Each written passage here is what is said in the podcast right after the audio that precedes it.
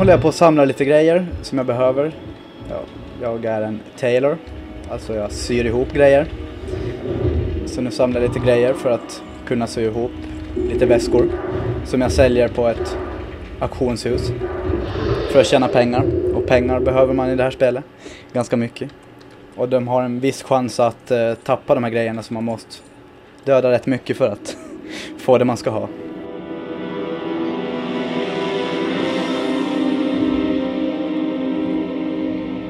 Hur länge har du spelat just det här spelet? Uh, just den, bara den här karaktären så har jag spelat i 31 dagar. Det är effektiv speltid Ja. var. Jag var inloggat. Men så har jag lite andra karaktärer också så det blir väl en eh, 70 dagar ska jag tro.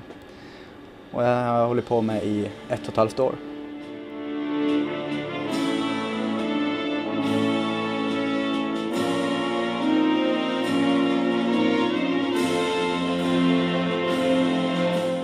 I ett litet rum med snedtak i utkanten av Mariehamn sitter 20-åriga Patrik Bro framför sin dator.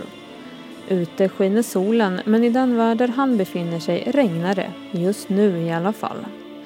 Det är en värld som befolkas av jägare, präster, trollkarlar, monster och magiska varelser.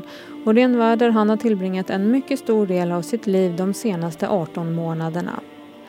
Patrik är en av miljontals människor världen över som spelar online-spelet World of Warcraft där man spelar över internet tillsammans med andra.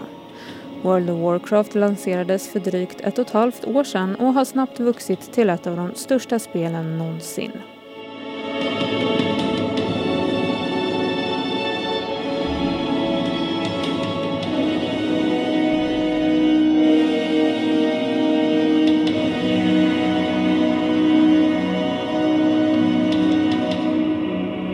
Blizzard hade väl planerat att det skulle bli 300 000 spelare i hela Europa men just nu är det uppe i 1,5 miljoner. I Europa bara? Ja. I världen så är det 6 miljoner. Så alltså det är mer spelare än vad det finns folkmängd i Finland. Det är ju ganska otroligt faktiskt. Ja, det är faktiskt riktigt mycket. Det stod här på Aftonbladet häromdagen att World of Warcraft har större folkmängd än Finland. Rätt roligt. Men hur många timmar om dagen spelar du ungefär? Ja, just nu har det blivit, på sistone har det blivit ganska mycket. Det är sex timmar. Ibland mindre, ibland mer. Så mest har jag suttit in-game på samma gång är väl 11 timmar. Så det är en hel del. Då börjar man få lite ångest när man tittar hur länge man har suttit inne. Men har du gjort det med tidigare spel också eller är det, är det just det här spelet? Det är just det här spelet. Jag har aldrig spelat någonting så här mycket som det här. Inte ens nära. De eh, äldre spel så visst, man spelar lite nu och då. Men det här är ett så tidskrävande spel också. Börjar du göra någonting med en grupp så kan du ju inte bara lämna. Utan det blir en två timmar åtminstone säkert.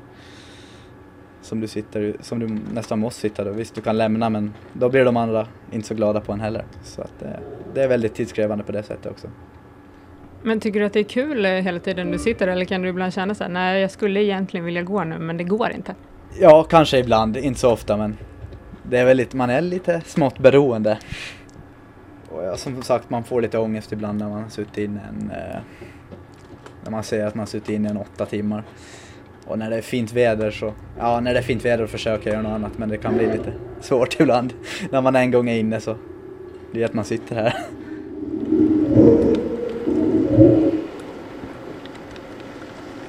Och Patrik Bro är inte ensam om sitt spelintresse. I takt med den tekniska utvecklingen har datorspelandet vuxit från en liten hobby för tonårskillar till en miljardindustri som sysselsätter ingenjörer, grafiker, skådespelare, musiker, advokater och många andra yrkesgrupper. Och spelarna har blivit betydligt fler. Fältarna i Mariehamn gjorde i våras en undersökning på Strandnäs högstadium och enligt den spelar en tredjedel av ungdomarna dator eller tv-spel minst en timme om dagen medan det bara var drygt en fjärdedel som uppgav att de aldrig spelade. Marcus Svensson är fältare. spelen lockar. Om man går in och kollar på spelen så förstår man att det är verklighetsbaserat, att man kan leva sig in i det och allt möjligt. Och det finns för de som är idrottsintresserade, det finns för de som ja, har olika intressen inom dataspel och allt möjligt sånt där. Har du någon åsikt om, är det bra eller dåligt? Det kan både vara bra och dåligt. Det, för min egen del, jag har dyslexi och har lärt mig jättemycket engelska genom att sitta vid datorn och spela tv-spel och sånt där. Att det blir roligt på det sättet. Men sen så är det ju en risk att man fastnar i det, att man kommer bort från själva verkligheten. Så det gäller att använda det goda och sen liksom ta bort det onda i det hela också. Men är föräldrar, har du kontakt med föräldrar som oroar sig för sina barns dataspelande? Jo, visst det finns det föräldrar som kan prata med oss att de tycker att sina barn spelar alldeles för mycket dataspel och sånt där. Men då är det ju bara att ha tydliga, klara regler. Att man sitter kanske bara en timme per dag eller en halvtimme per dag vad man kommer överens med vad man, ja, hur länge ska man sitta. Annars är det bara att dra ut sladden då. Det är den enkla metoden. Kan du säga något mer? Vad, vad tror du att man kan få ut av att spela? ja, som jag sa, att jag lärde mig jättemycket engelska på det hela. Och sen finns det ju spel som är sådana här tänkarspel, man ska lösa olika problematiker och lite sådana här saker. Så på det sättet kan man ju ja, få logiskt tänkande och hela den här biten. Då kan man få ut det. Men sen finns det ju vissa spel som är helt hjärndöda som man inte får ut, som bara går ut på att skjuta och döda liksom. Det kan man inte få ut så jättemycket av. Men tror du att det är att sådana här så våldsamma spel, är det ett problem att man spelar sådana? Tror du att man påverkas av det? Ja, man påverkas nog helt, ja, man kan nog påverkas av det men jag vet inte vilken utsträckning. Jag tror inte någon som har spelat ett dataspel går ut och slår ner någon för att testa det om det verkligen är så. Men... Är det något särskilt man ska tänka på som förälder eller som spelare vad det gäller dataspel? Som förälder så kan man ju fråga upp vad spelet handlar om och lite sånt där. Annars, om, eh, till exempel till julen, då köper säkert jättemånga föräldrar dataspel till sina barn eller till födelsedagspresent eller vad som helst. Så då kan man gå liksom in på en hemsida och kolla vad spelet handlar om och man, ofta så har de egna video, ja, videofilmer då de, där man kan se vad spelet går ut på liksom. Och då får, då får man oftast en egen uppfattning vad spelet går ut på. Då kan man ju prata med ungdomarna eller barnet då och säga att det här tycker inte jag är lämpligt på grund av att, eller jo, det här spelet ser helt okej okay ut så att det kan vi köpa till vår son dotter.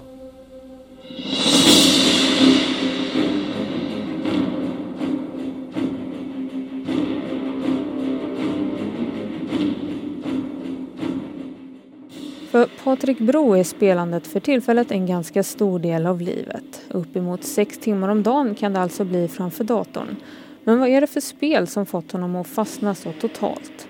Ja, det är ett rollspel där du, du börjar på en nivå 1, level 1 som man brukar säga. Och så spelar du upp till högsta nivån. Och sen, så, sen ska du samla på dig en massa grejer så det blir bättre och bättre. Spela i instanser som det kallas. Det kan vara grottor med en massa monster och grejer. Som du måste vara flera personer för att kunna hantera och döda dem.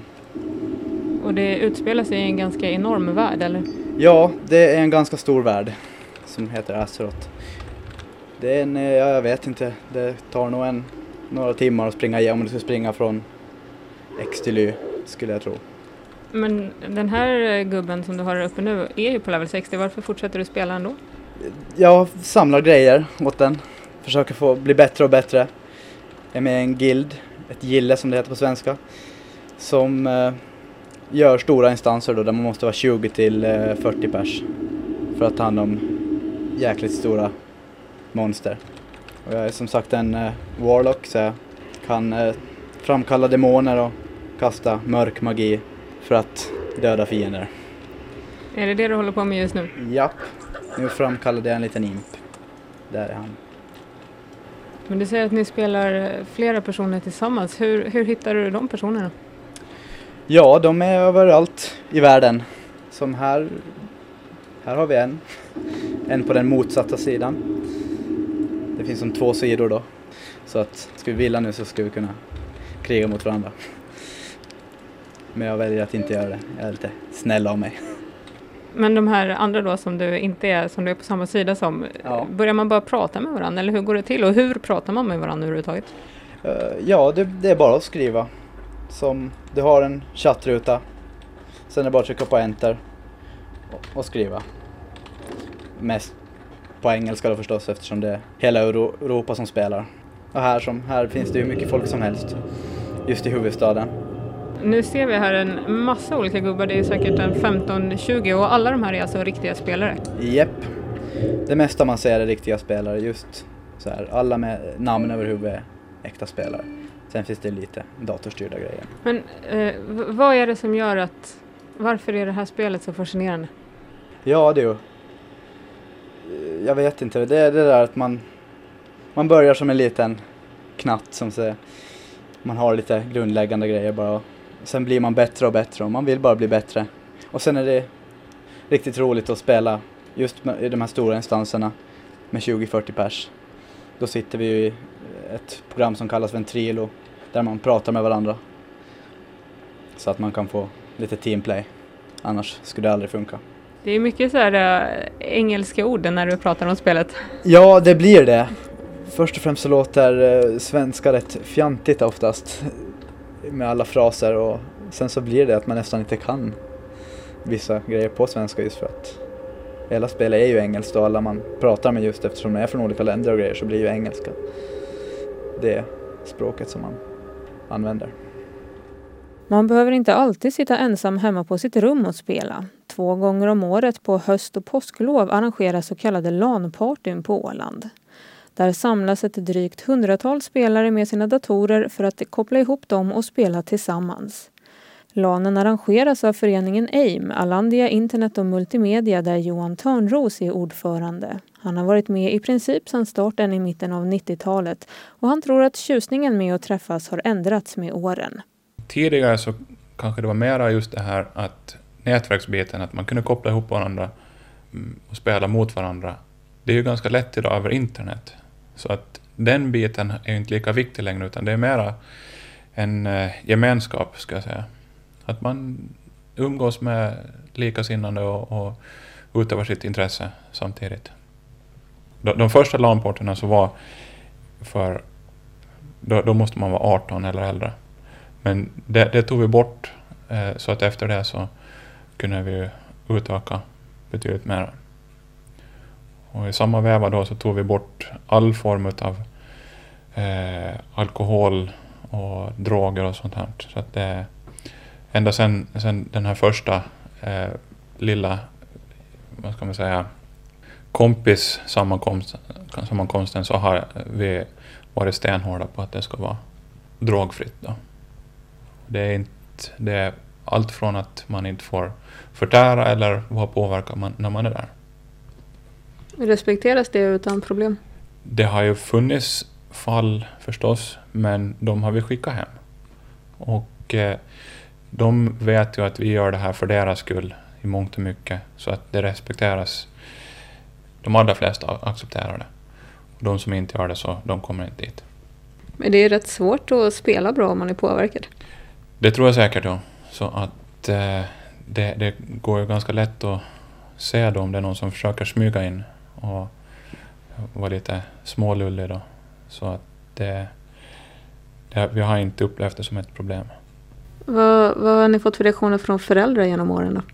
Med få undantag så har de varit positiva.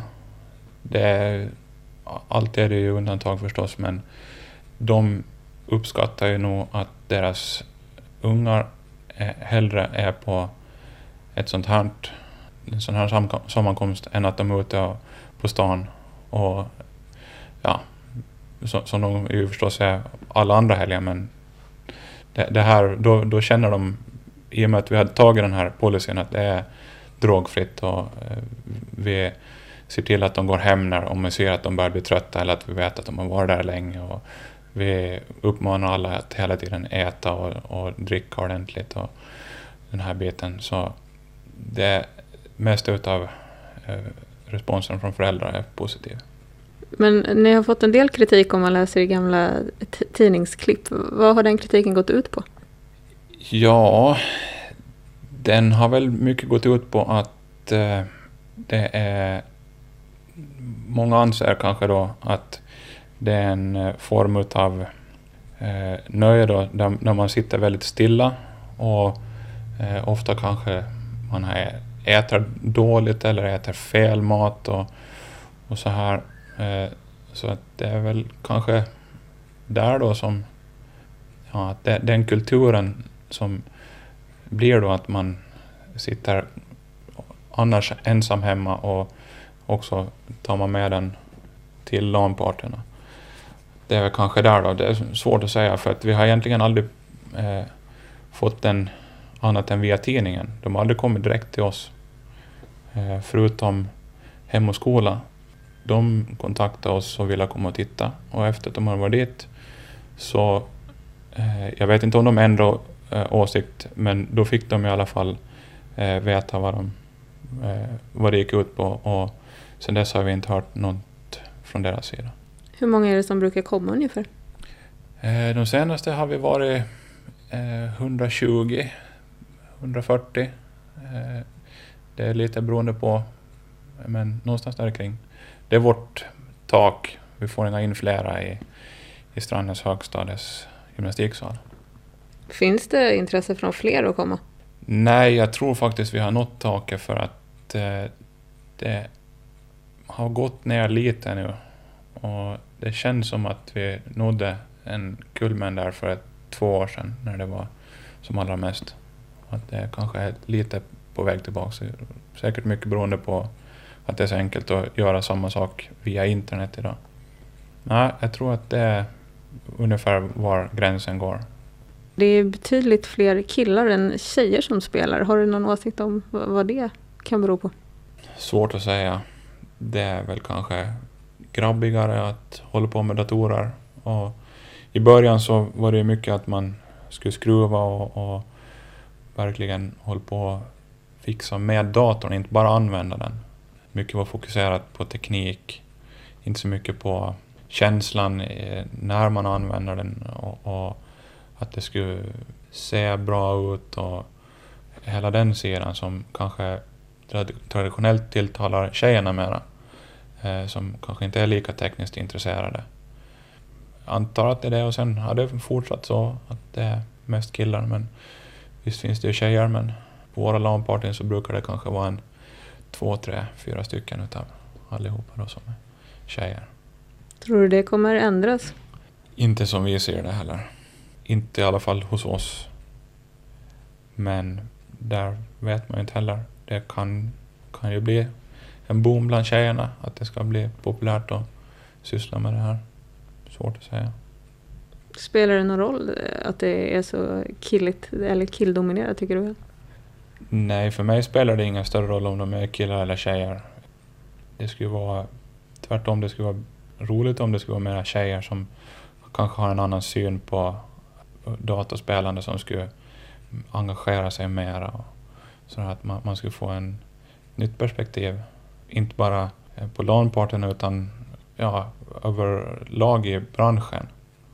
Spel, dataspelsbranschen så tror jag att det skulle må ganska bra av lite mera tjejer.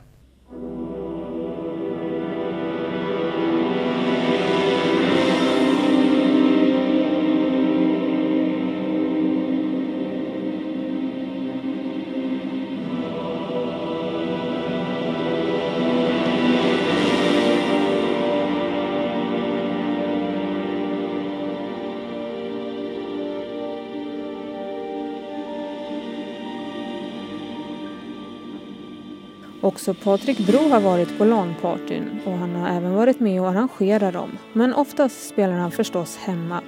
Även om det inte alls betyder att han spelar ensam. I World of Warcraft måste man ofta samarbeta med andra spelare för att klara de uppgifter som ska utföras och det är vanligt att man går ihop i grupper som kallas gilder som spelar tillsammans en längre tid. Just i gilden som jag är med, med i så har vi en Ja, vi har någon liten spansk pojke som är, vad kan jag tror han är 13 år. Och sen eh, den äldsta vi har med är en kille från Danmark som är 50 år. Så det är ganska varierat. Det kan inte vara så vanligt med så pass gamla, är det det? Nej, inte så gamla, men mot en 30 är det nog många som är ändå. Men sen de flesta är väl 15 till 20 år. Men sen har vi faktiskt en kvinna som är hans fru som är 48 eh, år också. De har hittat ett gemensamt intresse. Ja, ja, vi har faktiskt några stycken just i gilden som har. Sen har, och så spelar barnen till på köpet så det är riktigt extremt. Alltså det är ju väldigt varierande åldrar. Men är det här personer som du har kontakt med annars eller är det just i spelet som ni träffas? Just i, med gilden så är det bara en person som jag är polare med på riktigt. Resten så bor ju i Norge och Danmark och Sverige. Ty, nej, vad blir det nu då? Holland då. Så att det är nog endast över internet. Men skulle du kunna ringa den personen i Holland och säga ja, jag ska ner på ett par dagar, kan jag bo hos dig? Ja, det skulle jag nog absolut kunna göra. Det, skulle, det är ju ganska roligt att träffa. Jag vet många som har en annan polare som är i en annan guild. De hade ju ett guildmöte då i just Danmark tror jag. Dit det kom en hel del folk då, just som var med i gilden. Träffades på riktigt. Det är ju rätt kul. Annars lär man känna mycket folk genom datorn. Ja, det gör man ju absolut och, och sen så arrangeras det ju LAN och grejer. Och där lär du också känna ganska många personer. Just för att man delar ju samma intresse. Att spela dator eller tv-spel är som sagt väldigt vanligt, både hos ungdomar och hos lite äldre. Men trots det ses det inte som ett fritidsintresse bland andra, säger Johan Törnros. Det är ju ändå så att alla kan inte hålla på med idrott och alla kan inte vara med i körer och sjunga eller eh, de är inte motorintresserade. Ja, allt möjligt eh, vad, vad nu man har tidigare sysslat med på fritiden. Så det, där har det fångat upp en hel del. Eh, och det är ju ganska enkelt sätt. Man, man behöver ju inte åka iväg någonstans, förutom två gånger per år när vi har LAN-party. Utan det, man, man kan göra det hemifrån och ja, det, det tror jag att bidrar till att det är ett ganska stort intresse. Tycker du att eh, dataspelande ses det som en fritidssysselsättning bland andra? Inte ännu, tror jag. Utan det är nog mer accepterat, om man säger som så, eh, rent socialt i alla fall, att spela fotboll eller friidrotta eller sjunga i kör eller vad det nu är som man har gjort tidigare. Så att, men jag tror att det är sakta men säkert så blir det mer accepterat även det här. Vad beror det på, tror du, att det inte är lika accepterat? Det är väl traditionellt så att eh, när ett fritidsintresse så utövar man kanske då med andra eh, och, och i for, eller i form av någon eh, fysisk aktivitet. Att man sitter hemma på sitt rum och kommunicerar med andra via internet. Så det är ju någonting helt nytt. Vi har haft telefoner förut men eh, det kan man ju inte jämföra med den kommunikation som man kan ha idag. Så att eh, jag tror att det är just det här traditionellt så är, det så att social verksamhet, så det gör man inte inne på sitt rum. Utan det, det gör man ute på en fotbollsplan eller någonstans sånt. Ligger det något i den här kritiken tycker du? Att det är inte accepterat eller? Ja, att, att det inte är bra, att det, det är stillasittande, folk blir osociala, man kan bli aggressiv. Eh, självfallet är det ju så att det är inte bra att vara stillasittande. Dataspelande i sig så är ju inte det, det, måste man utföra stillasittande, men det, det hindrar ju inte att man kan eh, åka iväg på någon fotbollsträning eller någonting annat heller, utan det är ju upp till varje individ att eh, bestämma vad, vad, man vill göra. Och tyvärr så kanske det är så att några, jag tror att det är ändå ett litet fåtal, att några få som annars kanske skulle hålla på med idrott eh, håller på med det här istället. Men jag tror att den stora, stora massan som sysslar med det här, de skulle inte ändå hålla på med någon form av idrott, utan de skulle ha suttit på någon ungdomsgård och, och kört omkring på sina mopeder eller med sina bilar på kvällarna istället. Så att på det sättet tror jag inte att så många har blivit mera, eh, alltså att det blivit ohälsosammare. Men det är också en svårt att säga jag har ju bara mig själv som jag kan jämföra med och jag har ju nog varit aktiv på annat håll också. Vad tycker du, vad får man av, av att spela? Det är ju ett tidsfördriv förstås. Men eh, också är det ju ett sätt att umgås med andra. Nu umgås man inte på ett traditionellt sätt som jag sa tidigare, utan man gör det ju via datorn. Men eh, ja, det är ett nöje helt enkelt. För vissa få så är, har det gått så långt att man till och med kan tjäna pengar på det. Men det är de som är riktigt, riktigt duktiga. Utan för de största är det, för de flesta så är det ett nöje helt enkelt. Kan du berätta hur kom det sig att, att du började spela? Det var väl när jag var liten grabb det. För en sådär 20 år sedan eller något liknande. Farsan tog hem en dator. Eller om det var en gammal spelkonsol. Jag kommer inte ihåg riktigt vad som var första som vi hade hemma. Men han har ju varit i branschen han ända sedan 70-talet. Så det var ju en naturlig grej då att ha någonting sånt hemma. Och med vissa pauser emellanåt men egentligen ända sedan dess så har jag varit fascinerad av dataspel. Vad har du haft för favoritspel genom åren? Det varierar väldigt mycket men i slutändan så kommer jag ändå tillbaks till strategispelarna. Det är de som jag uppskattar mest. Eh, jag är inte sådär jätteivrig på att spela online eh, de här första persons shooters, Half-Life. Jag har gjort det en hel del men i slutändan så är det strategispelen som jag gillar bäst. Vad är det du gillar med dem? Ja, svårt att säga. Det är, det är lite lugnare tempo. Man får fundera lite mera. Det är inte så mycket reaktioner och skicklighet med mus och så som gör att man kommer långt utan det är mera tankeverksamhet bakom det. Antar jag, jag vet faktiskt inte. Det men de tilltalar mig i alla fall. Men sådana strategispel, eh, där måste man ju tänka och planera ganska mycket. Tror du, kan man säga att det är, att det är mer, betydligt mer aktivt än att sitta och slå på TV? Det är det definitivt. Jag, jag, tror definitivt att man stimulerar sig själv att eh, eh lära sig, koncentrera sig, tänka logiskt. Många positiva effekter som man lär sig genom att spela dator. Svårt att säga hur det skulle vara om man inte skulle ha gjort det men jag tror att jag har fått mycket gott med mig från, från de här spelarna. Tror du att man genom att spela, eller genom att ha det här dataintresset, att man kan få ett jobb, kanske inte tjäna pengar på sitt spelande, men du själv jobbar med, med datorer idag? Det tror jag säkert att det är en eh, fördel, för att man får ju en stor datorvana.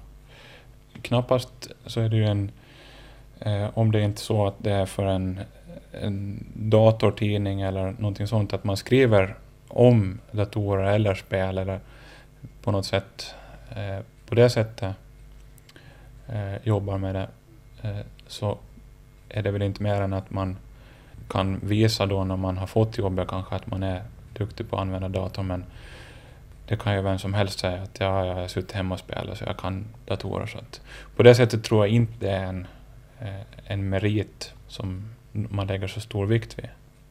Men det är ju en fördel för en själv för att man behöver inte sitta och fundera så mycket när man väl kommer framför datorn. Och att datorspelandet har positiva effekter stöds också i forskning. Spelandet ger bättre spatiala förmågor och snabbare reaktionstid. Under de senaste decennierna har den genomsnittliga intelligensen mätt med intelligenstest höjts och vissa forskare sätter det i samband med det ökade datorspelandet hos barn och unga. Det visar en forskningsgenomgång som Svenska folkhälsoinstitutet gjorde förra året. Och enligt Svenska ungdomsstyrelsen finns det inte heller några bevis för att ungdomar som spelar på fritiden rör sig mindre än andra. Men ibland går spelandet för långt och övergår i missbruk. Det är något som man inte vet så mycket om än så länge och man vet inte heller hur vanligt det är. På missbrukarvården i Mariehamn har man inte haft kontakt med någon som sökt hjälp för det och inte heller hos fältarna är det något som uppmärksammats. Men missbruk ser ungefär likadant ut vad man än är beroende av. Det säger Monica Sagulin som är ungdomsbehandlare.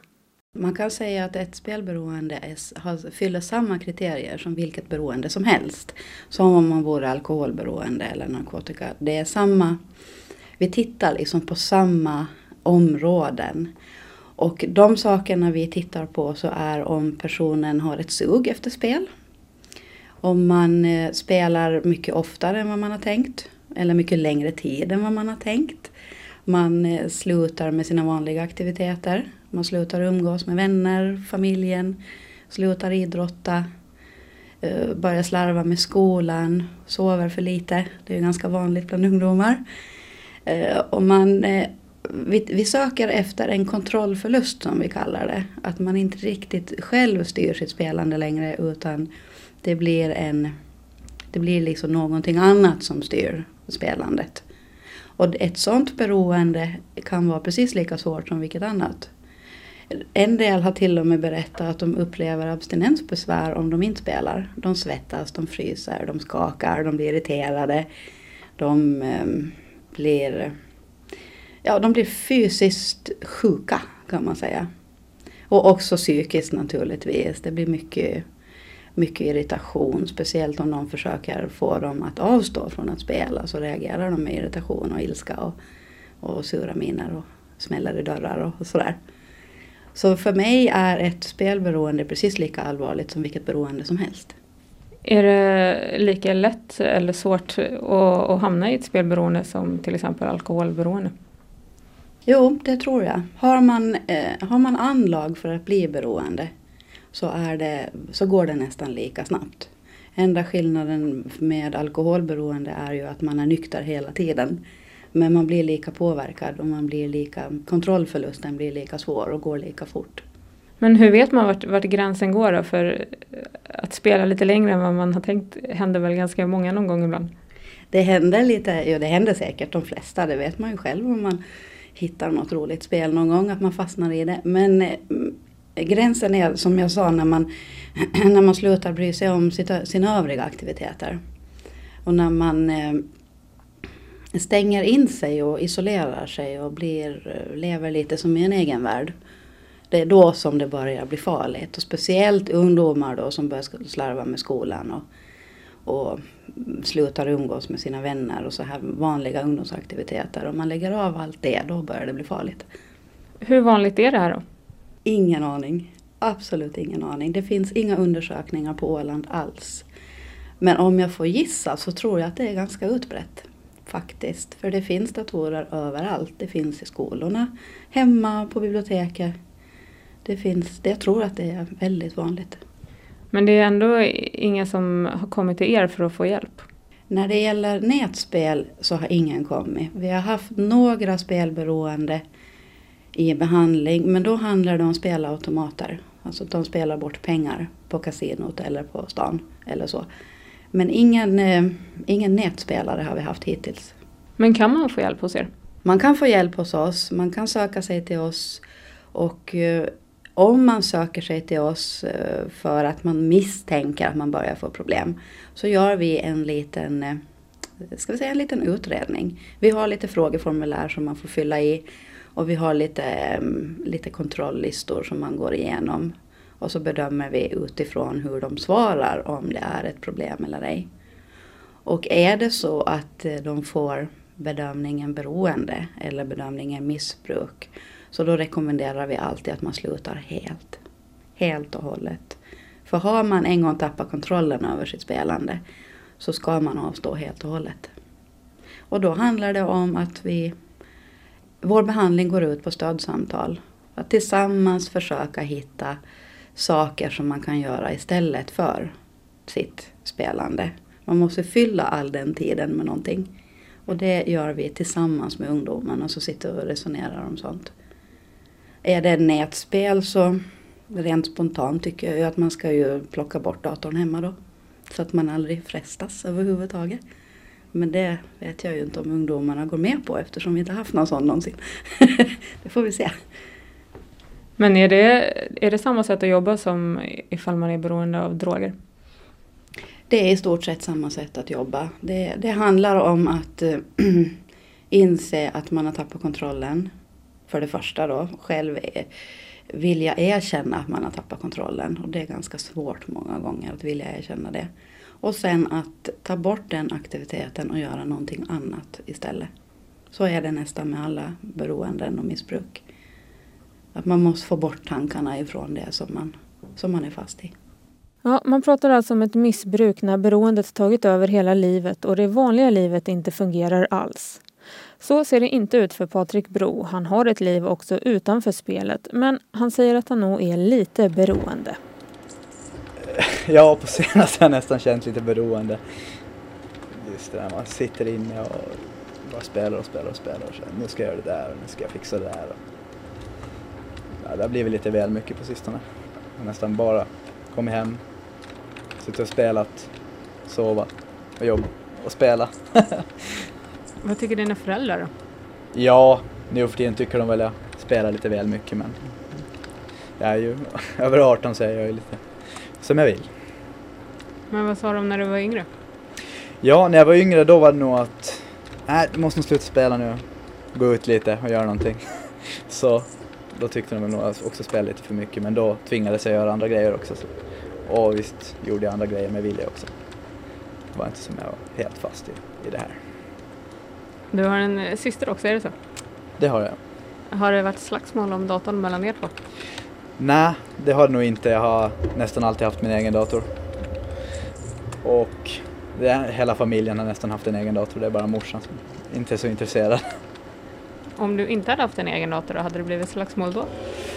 Ja, det skulle det nog ha blivit. en hel del. Och speciellt nu så när jag sitter och spelar det här hela tiden. Så. Ja, det, ja, det ska jag inte klara av.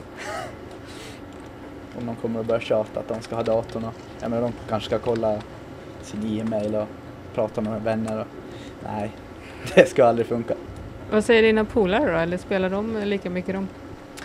Ja, jag har väldigt många polare som spelar rätt mycket också. Inte vet jag om de andra säger så mycket. Vissa tycker väl det är lite väl mycket och det blir ju som så, just när du gör de här stora instanserna, då kan ju ta en eh, fyra, fem timmar och klara igen dem. Så de säger, ja men kom med på en kaffe då. Och bara, nej, kan inte nu. Men för fan, sluta spela det spelet.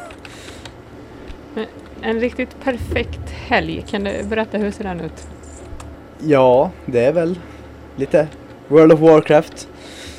Sen eh, kan man få ut och festa lite och ha en rolig, rolig kväll på det sättet.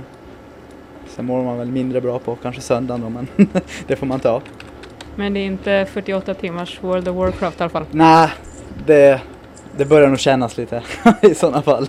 Jag hade spelat, det var en helg för inte så länge sedan jag satt nästan och spelade hela helgen. Så på söndagen, där vid 11-12 tiden på kvällen började huvudet kännas lite tungt.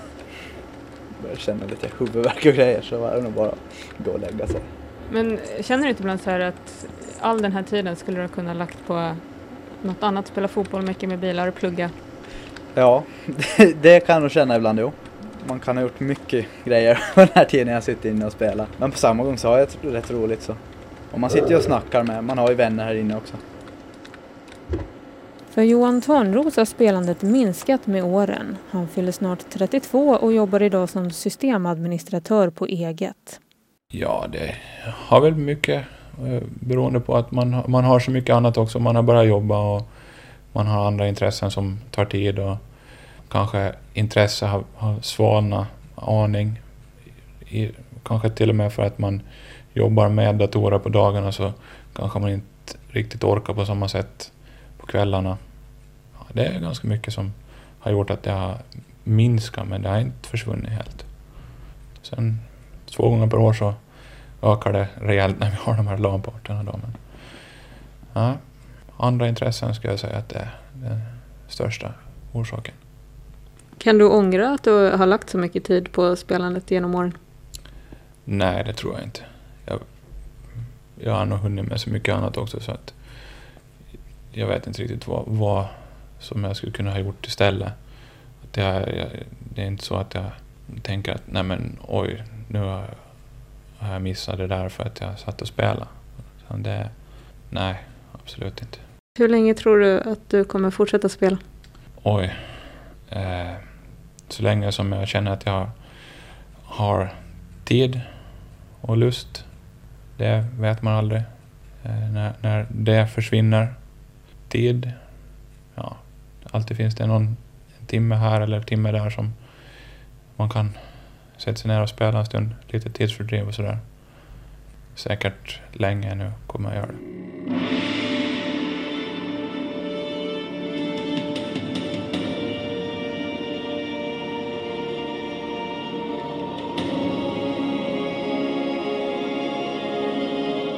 Patrik Bro kommer nog att fortsätta att spela ganska mycket. Ett tag till i alla fall. jag tror nog jag kommer hålla på rätt så länge. Jag ska försöka tappa ner lite per dag men eh, det blir nog, jag lär inte byta spel på väldigt länge.